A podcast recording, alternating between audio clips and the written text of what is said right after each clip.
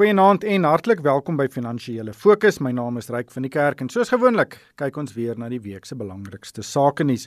Ek het twee gaste, Driekus Kombrink is van Capicraft. Goeienaand Driekus. Goeienaand Ryk, goeienaand luisteraars.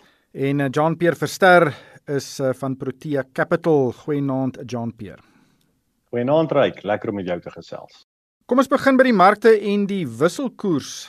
Nou ons het 'n moeilike jaar agter die rug, maar hier So in die laaste kwartaal, die afgelope 3 maande, het die aandelemark in Suid-Afrika en ook in die buiteland uh, wesentlik verstewig, uh, meer as 10% op in Suid-Afrika en dit is ondanks 'n sterker rand. Die rand Vrydagmiddag omtrent onder R14.60 teen die dollar. Jean-Pierre, wat maak jy van hierdie laat 2020 loopie? Dit het my verbaas, Ryk. Ek dink dit het heelwat beleggers verbaas. Ons weet almal van die swak fiskale posisie waarin Suid-Afrika homself bekeer. So ek dink nie veel mense verwag dat die rand so sterk gaan versterk nie.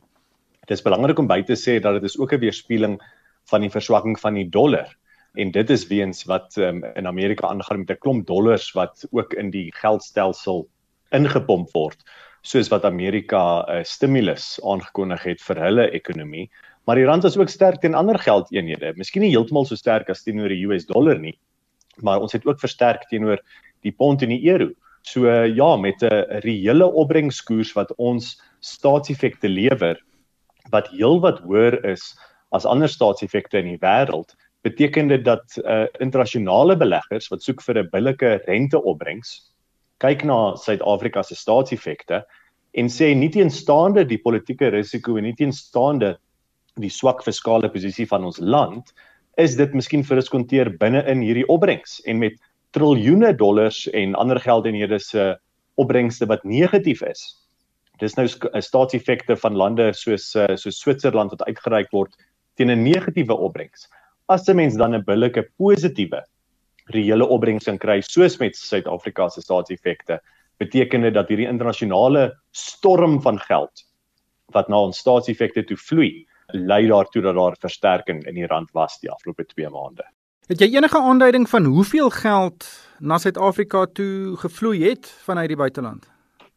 Nee, ons kry gewoonlik daai data robbe 'n maand later, so hooplik ons in Januarie sien hoeveel was Desember se en ons behoort binnekort te sien wat byvoorbeeld in November gebeur het. Ehm um, natuurlik ek, ek noem die staatsvloeye, maar aan die ander kant is daar ook die ekwiteitsvloeye.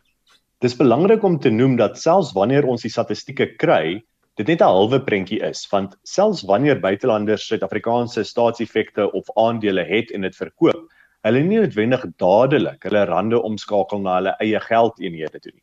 So mense moet altyd versigtig wees van die data wat ons wel kry in terme van hoeveel uh, staatseffekte of aandele word verkoop van buitelanders want dit beteken nie noodwendig dat op daai stadium word die rande ook verkoop wat hulle kry van daai transaksies nie. Driekus, hoe lees jy hierdie mark? Dit gaan baie oor dollar likwiditeit. In die begin van die jaar wel toe die toe Covid sy tande of die inperkings ten minste sy tande ingeslaan het in die wêreldekonomie in het uh, sentrale banke uh, natuurlik triljoene dollars in nuwe geld gedruk en uh, wat hierdie anders te maak is byvoorbeeld die gewone kwantitatiewe verruimings uh, programme wat ons gehad het die laaste paar jare is is die enorme fiskale pakkette wat saam gegaan het.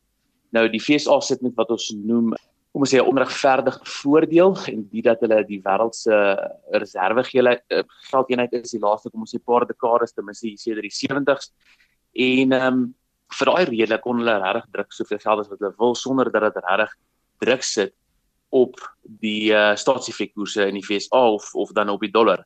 Nou hulle is besig om die, om die limite van daardie van daardie teorie te toets op hierdie stadium want hulle het heelwat meer as die ander sentrale banke gedruk. Ehm um, natuurlik nou nie oor 'n langer periode van tyd nie, maar ten minste oor die laaste 6 maande.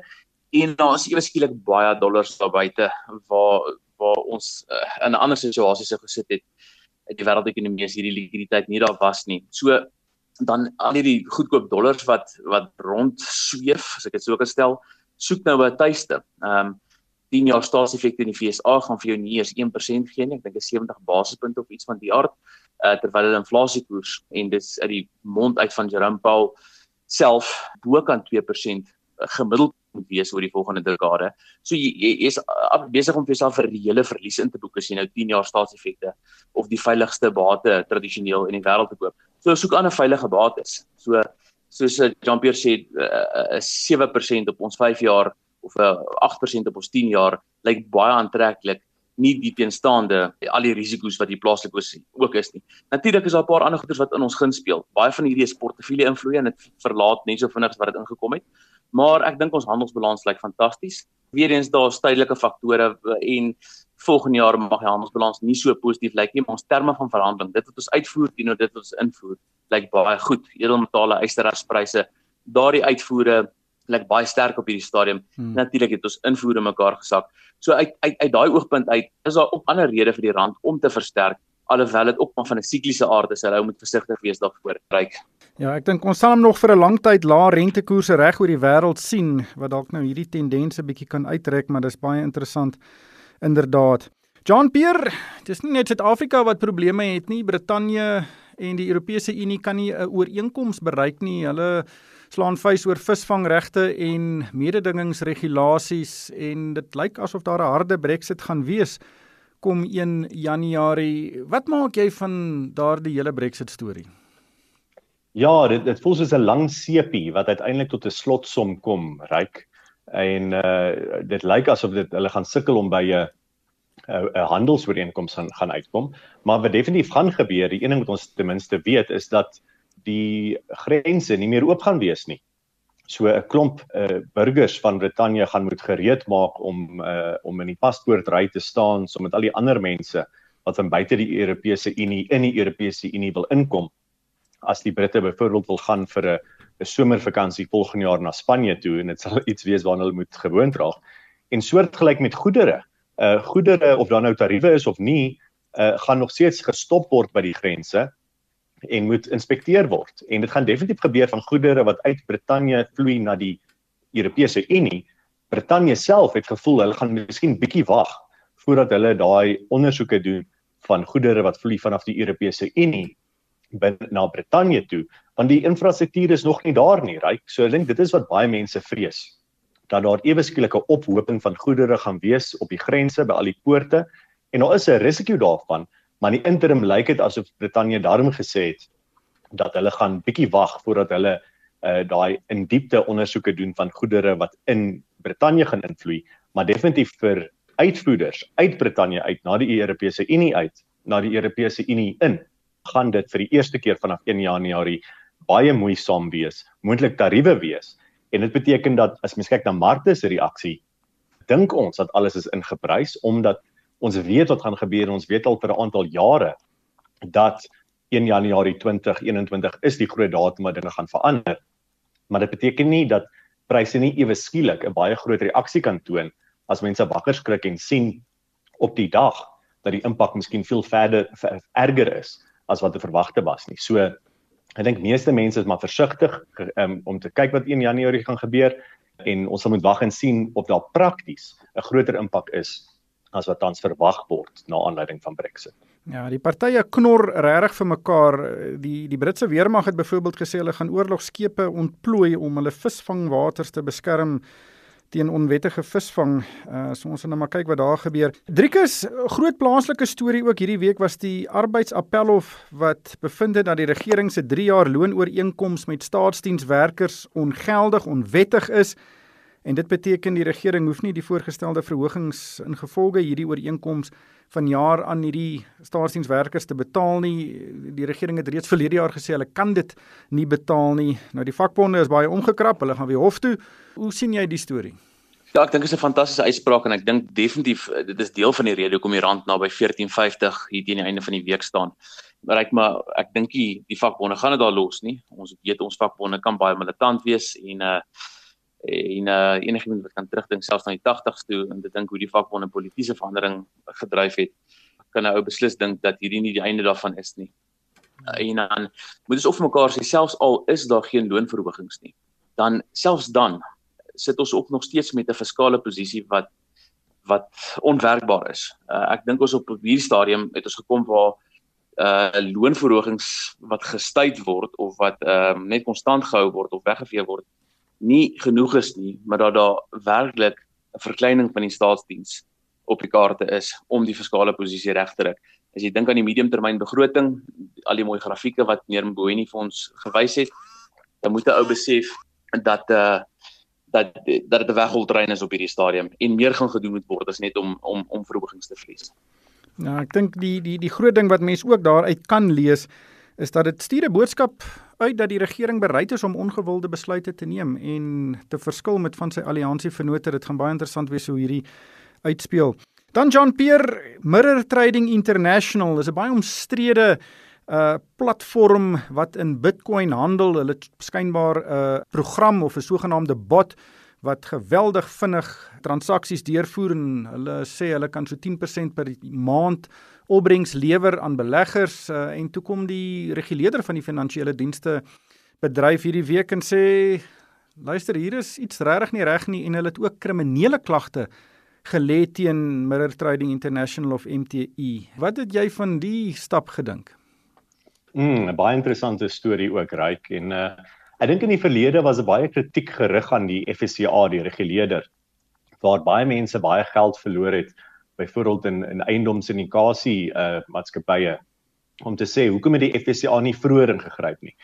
Wel in die geval van Middle Mirror Trading International het die FSCA baie proaktief opgetree en het hulle vroeg ingespring. Nie teenstaande daar's daar's 'n paar duisend mense in Suid-Afrika en tot soveel as 'n kwart miljoen internasionaal wat volgens Mirror Trading International hulle geld by hulle belê het. En die probleem is hulle vertel 'n wonderlike storie ryk, maar die storie uh, is nie baie realisties nie. Dit is onmoontlik om die heeltyd soveel opbrengste te beloof aan beleggers. Selfs al kom dit by Bitcoin en ander kriptogeldeenhede daar's altyd risiko betrokke met transaksies. En toe die FSCA nou agter die kap van die byl kom, toe sien hulle dat baie van hierdie transaksies nie bestaan het nie. Hulle het agtergekom toe Mirror Trading International skuif van een makelaar na tweede een in hulle uh uh kripto transaksies. Toe kom die FSCA agter maar daai transaksies uh, het nooit gebeur nie en die winste was nooit gegenereer nie. Liewer sou wat verliese gegenereer. So ek dink dis 'n baie belangrike les vir Suid-Afrikaners om altyd baie versigtig te wees. As enige iemand baie hoë opbrengste beloof, om te weet dat met belegging kom daar altyd risiko, om versigtig te wees en om om om te weet dat die leerders deesdae baie meer proaktief is wat sal help, maar die uiteinde verantwoordelikheid om jouself te beskerm teen dat iemand jou geld steel is om paraat te wees en nie ingepraat te raak as mense vir jou ongelooflike hoë opbrengste beloof nie. So wees maar altyd versigtig daar buite ry. Daar kom altyd 'n nuwe kinkel, 'n nuwe manier waar mense probeer geld uitkry uit ander uit. So wees maar op jou hoede en die FSCA lyk like my is besig om te help om die publiek te beskerm teen mense soos Mirror Trading International. Ja, soos jy gesê het, dit is groot, 270 000 lede uh skynbaar volgens MTU uh, en hulle het al 'n hele paar miljard rand daarin belê. Daar is probleme van wat sekere lede al geopper het dat hulle nie hulle geld kan onttrek nie wat 'n groot rooi vlag is. Maar vir die rekord wil ek sê MTU het reeds gesê hulle uh, hulle dink die FSCA verstaan nie hulle sakemodel nie en dat daar niks fout is nie.